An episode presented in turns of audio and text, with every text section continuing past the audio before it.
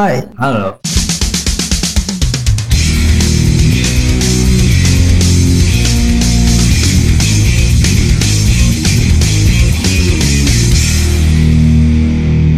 Selamat datang di podcast anjing Dan selamat mendengarkan bareng gua Theo dan Farid MS. Farid MS. Waduh. Oke. Jadi gini, gimana nih eh, kali ini kita mau cerita tentang apa nih? Mungkin kita akan bakalan cerita tentang diri kita masing-masing ya. Kita masing-masing. Seperti judulnya, Cita-cita toh. cita-cita. Jadi kita sekarang mau bahas tentang cita-cita. Oke. Hmm. Pertama gue mau tanya dulu nih Rian. Cita-cita lu dari kecil. Pas kecil deh, pas pas kecil. Pasti pas SD tuh ditanyakan sama guru tuh, cita-cita kamu apa? Iya, betul. Apa Red? Kalau dari kecil sih cita-citanya jadi jadi abri. Jadi abri. Eh anjing sama sama gue. Masya. Wah, pas kecil itu gue pengen jadi tentara. Tapi rata-rata sih kalau misalkan masih kecil kalau kalau nggak tentara, polisi, Polisi, dokter, dokter, udah gitu doang. Guru. Guru. Soalnya Itu. nggak tahu juga sih. Iya, karena mungkin pandangan mereka belum luas, belum, Belum. tahu tentang dunia kerja. Padahal banyak arsitek, Waduh, apa segala macam gitu kan. Oke, Iya. itu dari kecil. Mm-mm. Dan dan biasanya ya, ya kebanyakan orang adalah eh, cita-cita kecil sama cita-cita sekarang tuh berbeda, Rit. Beda-beda. Pasti. Mungkin cita-cita SD, SMP, SMA nanti bakal beda-beda. Mungkin. mungkin bisa mungkin, jadi. Mungkin. Nah, sekarang pertanyaannya adalah cita-cita lu yang sekarang Hmm. itu sama seperti pada saat SD atau enggak? Mungkin SMA ya ketika gua setelah Oke. eh, setelah SMA nih setelah menemukan jati diri mungkin waduh mantap. uh, ingin sekali saya menjadi seniman. Wow. Oh, seniman dalam hal apa nih? Dalam Seniman itu kan luas kan, Mm-mm. banyak. Seniman itu luas. Mungkin lebih ke seniman tradisional kali karena Uh, mantap. karena hidup saya di tradisional sekali. Tradisi- tradisional iya, sekali. Ingin sekali menjadi mm, hidup di tradisional. Ini maksudnya ingin sekali mengembangkan tradisional seperti itu. Oh, mantap. Berarti bagus cita-cita lu tuh sangat mulia sekali. Iya, jadi iya seperti itu. Terus kalau lu gimana yuk? Oke.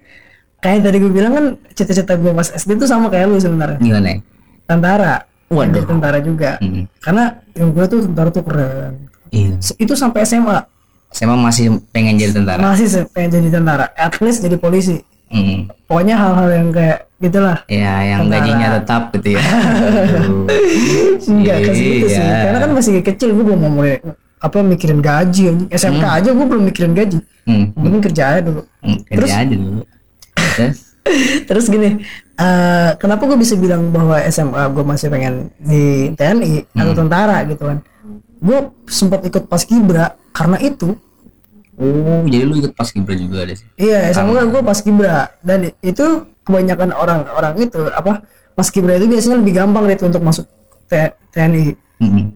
Dan mungkin ngomongin soal cita-cita, kalau misalkan gua nih Pak, gua juga sama berubah-ubah ketika gua misalkan terjun ke eh, ke sini nih, wah pengen banget jadi ini. Terus terjun ke sini, gua nih orangnya kayak gitu ya, ke situ gitu. Oke. Terus lu kayak gitu nggak lo? Kalau gua mungkin pernah kayak gitu sih, cuman gua agak lupa gitu. Dan dan dan dan ini sih apa? eh, yang tadi soal tentara itu ya, itu kan SMA. SMA. Nah, lulus SMA jadi pas SMP itu gue pernah pengen punya cita eh pernah punya cita-cita pengen jadi eh, skateboarder. Hmm. Cuman karena apa harga skateboard itu mahal, Iya. akhirnya gue mengurungkan niat itu. Akhirnya gue balik lagi ke ya. Balik lagi ke tentara? Waduh, emang jadi tentara nggak mahal pak? ya seenggaknya gue masih punya jalur prestasi. Oh makanya gue ngambil pas kibra. Iya. pas kibra lebih gampang. Terus kenapa tuh? Pak? tapi dengerin dulu. Iya. oke. Dan akhirnya ketika gue udah lulus sekolah kerja punya duit. Dan gue baru sadar bahwa tentara itu lu diatur. Segala macam akhirnya gue merasa bahwa ini kayaknya nggak relate sama diri gue sendiri nih akhirnya kan gue menemukan jati diri dong Iya. di situ ya kan SMA itu tempat apa nyari jati diri lah akhirnya gue nemu bahwa gue adalah orang yang nggak mau diatur Hmm. susah untuk diatur nggak bisa jadi tentara Jadi Akhirnya- itu kenapa? Kenapa jadi maksudnya jadi kenapa berubah gitu ceritanya? karena itu tadi gue relate sama diri gue sendiri gue ngeliat diri gue sendiri kayak gimana bahwa ya gue orangnya nggak bisa diatur Hmm. nggak bisa gue masuk tentara. Akhirnya gue memutuskan untuk balik lagi ke cita-cita gue pas SMP Apaan? jadi skateboarder. Waduh. jadi skateboarder. Gue apa eh, sering latihan tapi ternyata gue juga kayaknya nggak cocok di sini nih. Karena gue ngerasa nggak bisa bisa gitu Masih main skate. nyari-nyari berarti ya. masih mencari cita-cita gue sebenarnya tuh apa gitu. Dan gue sempet kayak anjing tujuan hidup gue tuh sebenarnya ke mana sih? Gitu loh. Gitu kan. Akhirnya nggak lama eh, zaman zaman zaman vape ya kan? Ikut nge-vape. ikut nge-vape skateboard gue tinggalin. Hmm. terus eh, pas SMA juga gue pernah ngeband. Pernah pengen jadi basis terkenal. Cuman ya itu balik lagi nggak relate sama diri gue sendiri. Akhirnya gue cabut dari band terus dari skateboard gue cabut dari skateboard. Terus akhirnya gue vape gue pengen punya cita-cita apa cita-cita punya toko vape akhirnya tapi itu nggak sesuai sama diri gue sendiri. Nggak relate lagi. Akhirnya gue cabut lagi. Dan- dan nggak lama setelah gue main vape itu eh, akhirnya gue memilih untuk cari hobi baru. Iya. akhirnya di situ gue menemukan hobi baru gue adalah moto. Iya. gue gue hobi banget motoin orang gitu. Gue seneng ketika motoin orang. Dan itu masih pakai HP Mm-mm. akhirnya gue mutusin bahwa anjing ini gue harus naikin kualitas foto gue nih di Instagram Dari saat itu ya iya sampai sekarang. yang yang waktu itu gue moto pakai HP akhirnya gue mutusin untuk nyicil kamera Hmm. kamera pertama gue ada 1300D Mm-mm. itu tahun 2017 Iya. akhirnya gue punya kamera DSLR gue belajar di- belajar di sana terus dan akhirnya gue memutuskan bahwa ini adalah cita-cita gue Iya. fix kenapa kenapa kayak gitu? Kenapa? karena eh, berawal dari ketidaksengajaan teman gue ngajak gue untuk ngejob. Jadi teman gue ini udah udah jago banget lah senior. Jadi gue sebelum beli kamera gue sering nanya-nanya ke dia kamera apa yang cocok? Gimana? Gini gini gini gini dijelasin sama dia dibantuin semua sama dia. Dan ketika dia punya job dia ngajak gue iseng teh lu belajar teh. Ayo sama gue oke akhirnya gue coba. Awalnya gue takut karena wah gue nggak kepikiran untuk kerja di bidang ini nih. Oke. gue karena cuma pengen hobi aja gue senang sama motret gitu.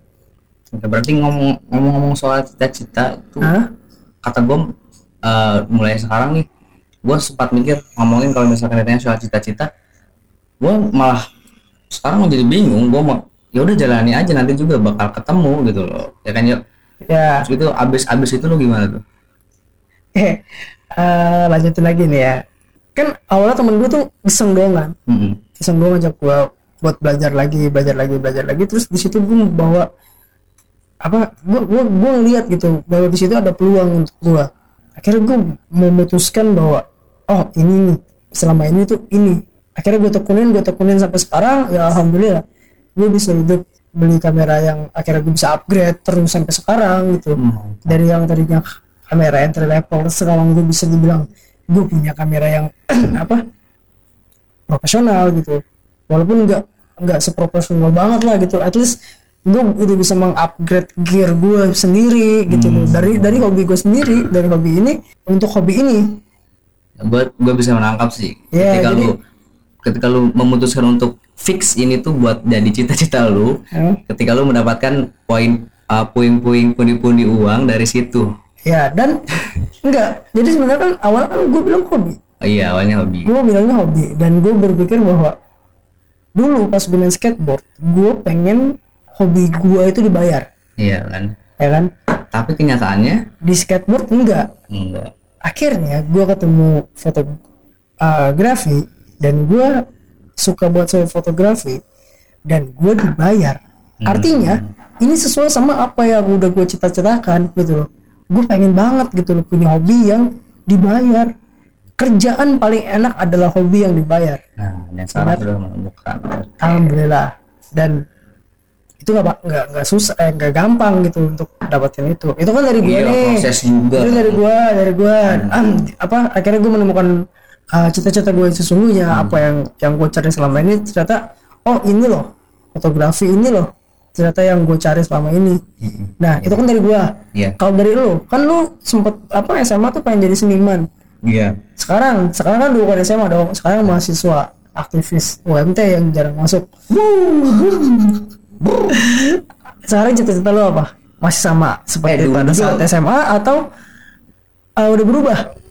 Eh dulu juga gue sempet kayak lu yo kayak gitu. Kenapa gue berpikiran menjadi ingin jadi seniman? Soalnya gue pernah juga mendapatkan mendapatkan sesuatu dari hobi gue makanya gue ingin terjun di situ Oh. soalnya gue uh, pernah merasakan manisnya itu dan Oke. setelah itu uh, itu tidak ber- berujung lama apa sih namanya tidak tidak Berlanjut- berlanjut berlangsung- lama berlangsung Tidak- lama. tidak berlangsung lama gitu loh Hmm. setelah gue keluar dari SMA Hah? menemukan dunia baru dan gue mencoba-mencoba masih mencari-cari sampai saat ini gitu loh.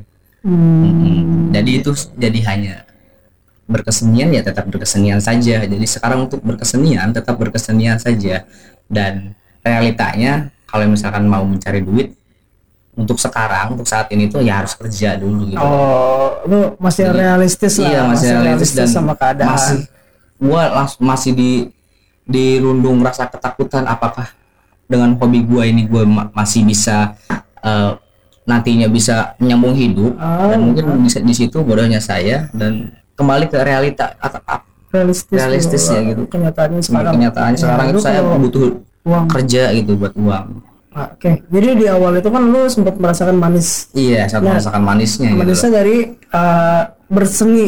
berkesenian Berkesenian. Hmm. Apa yang yang yang lu dapatin pada saat itu? ketika gua berkesenian di Hmm. tradisional biasanya kan kalau misalkan ada ada kalau misalkan berkesenian kan eh, di sini gua sebagai eh, penghibur di hajatan yuk. Nah kayak kayak gini tuh cuman musiman gitu loh.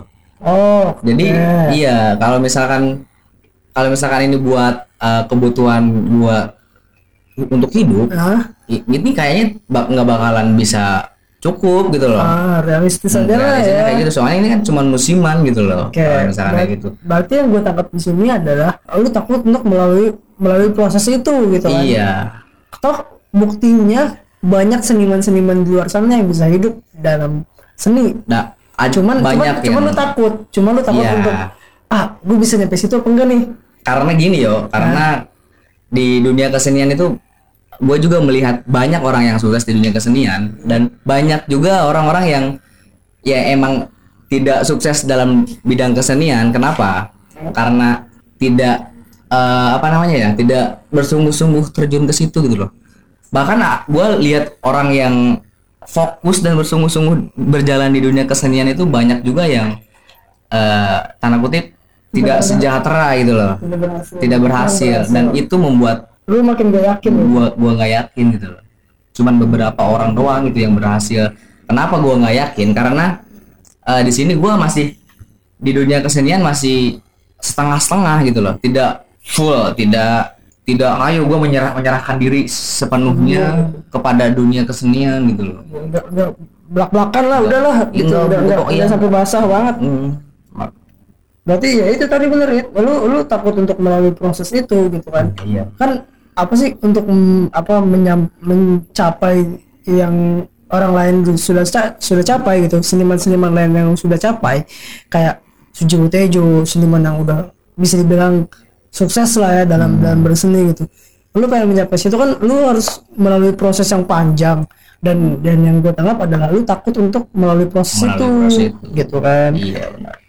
Dan gue pribadi pun sama karena uh, secara garis besar kita sama-sama di bidang seni nih Rit. cuman bedanya lu tradisional gue lebih ke digital. Iya iya kayak gitu. Dan gue pun sempet mikir kayak gitu. Apa sama sempat ada job-job kayak gini tuh gitu job-job kayak gini tuh jarang cuy. Enggak Iya. yang apa setiap bulan lu pasti ada. Enggak itu tuh jarang. Hmm. mungkin sebulan sekali. Sekalinya banyak kayak banyak. Sekalinya nggak ada ya nggak ada sama sekali gitu. Ya ada. Gue pernah takut sama ka- akan hal itu gitu. Gue juga sempet sempet kayak lu. Hmm. akhirnya gue kerja sambil ya sampingan aja lah. Ngocet sampingan aja lah. utamanya adalah kerja. Jadi Kayak gitu. intinya seharusnya kalau misalkan kita mau di bidang itu, mau expert di bidang itu, ya benar-benar terjun gitu lah, yo, benar-benar menyerahkan diri kita sepenuhnya kepada itu gitu loh. fokus. Fokus. benar Gua tak, gua menyadari itu setelah saat-saat sekarang ini, bahwasanya kalau misalkan gua mungkin dulu-dulu uh, fokus di dunia situ, terus gua kejar, Mhm. mungkin sekarang ya nggak ada yang tahu Nggak ya. ada yang tahu. mungkin udah udah udah kayak sujud ya juga mungkin kan nggak tahu apa ya itu nggak ada yang tahu. Takdir manusia kan nggak ada yang tahu. Kita cuma bisa ngubah nasib. Hmm. tapi kita nggak bisa ngubah takdir. Gitu kan tapi gitu.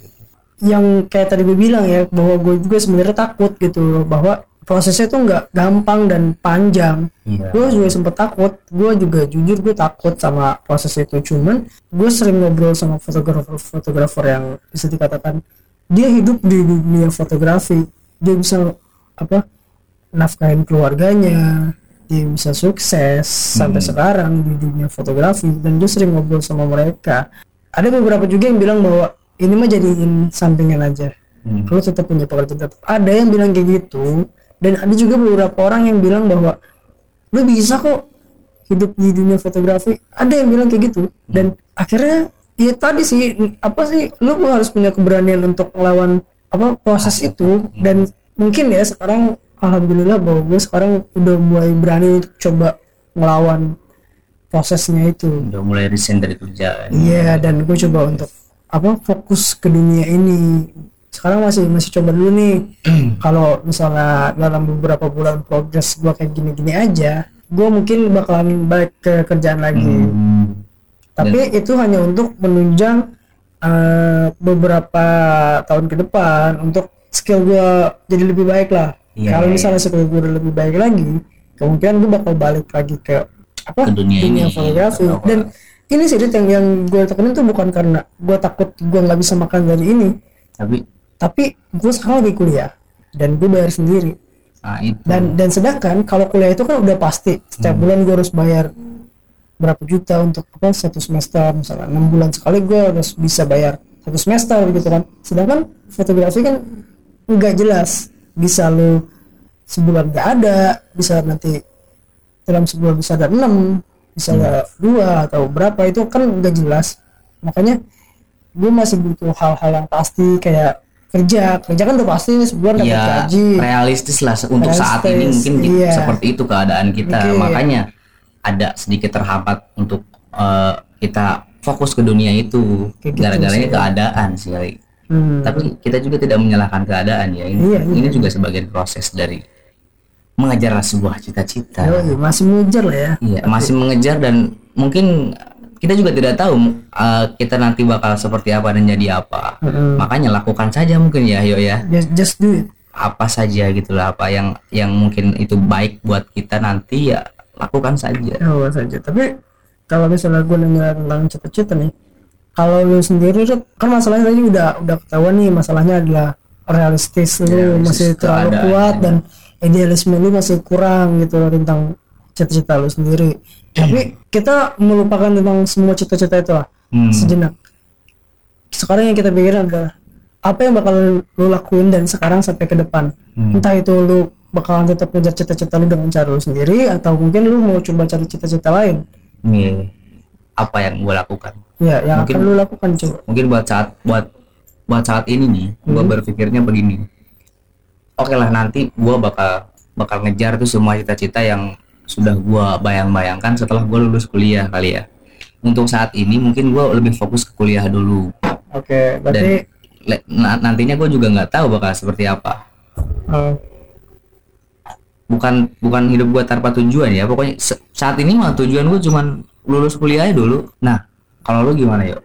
eh, kalau gua pribadi ke depannya yang sekarang lagi gue pikirin adalah gue tetap fokus sama yang sekarang lagi gue jalanin yaitu adalah prosesnya nih. Iya. ya kan? gue kan udah gak kerja. Gue sekarang coba untuk berani ngelawan proses sampai ke titik di mana tujuan itu yang pengen gue capai. Itu sekarang yang pengen gue lakukan adalah fokus ke situ. Tapi ini ada tapinya. Kalau misalnya eh, apa yang sudah gue rencanakan ini gagal gitu kan. Plan A harus punya plan B. Gitu, plan A gue adalah gue fokus di sini. Plan B nya adalah jika gue nggak fokus eh nggak berhasil dalam apa proses ini gitu kan. Belum berhasil ya bukan tidak belum belum berhasil gue bakalan cari kerja lagi. Kenapa cari kerja lagi? Ya tadi yang gue bilang gue masih pengen kuliah gue harus ngeluarin kuliah gue dulu. Dan sama kayak lu sih sebenarnya hampir sama kayak lu. Jadi nanti setelah gue lulus gue sekarang mikirin lulus dulu nih. Setelah udah lulus baru tuh jor-joran. Pengangguran pengangguran dah nggak punya duit nggak punya duit. Gembel gembel sekalian. Iya. Nggak mau gue jadi yang di tengah-tengah. Jadi orang berkecukupan nggak mau. Gembel gembel orang kaya orang kaya. Udah. Kan dari gue itu. Oh iya berarti tujuannya sekarang intinya kuliah dulu ya lulus. Kuliah dulu. Aduh. Review aja deh aduh. Itu. Ngomongin cita-cita ya jadi ya gitu seperti seperti yang kita bicarakan tadi ya jalan kita jalanin aja berarti ya oke.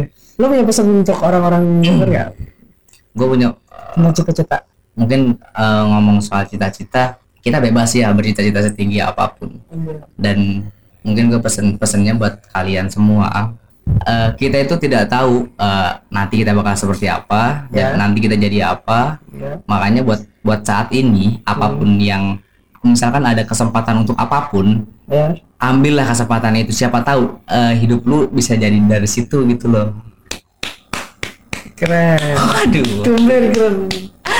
Ada ada ada keresahan sekali sepertinya Farid nah sekarang lu yuk kalau gua pribadi mungkin ya lu sama gua hampir sama lah. Hmm. Pengen punya harapan sama untuk orang-orang lain. Dan kalau gue pribadi itu harapan gue untuk lu nih lagi dengar hmm. tentang cita-cita. Apa pun cita-cita lu kejar. Dan eh, jangan pernah ragu akan cita-cita lu. Kalau lu ragu berarti itu bukan cita-cita lu. Iya iya iya. ketika lu udah yakin sama hal itu sama suatu profesi atau apa pun lah cita- cita-cita itu kan bebas kan. Apa pun Ci- cita-cita lu nanti tua pengen tinjuran doang nggak ngapa-ngapain itu cita-cita. Terserah orang cita-cita lu mau ngapain yang penting baik. Dan ketika lu yakin sama yang lu jalanin dan apa lu cita-citakan jangan pernah lepasin itu.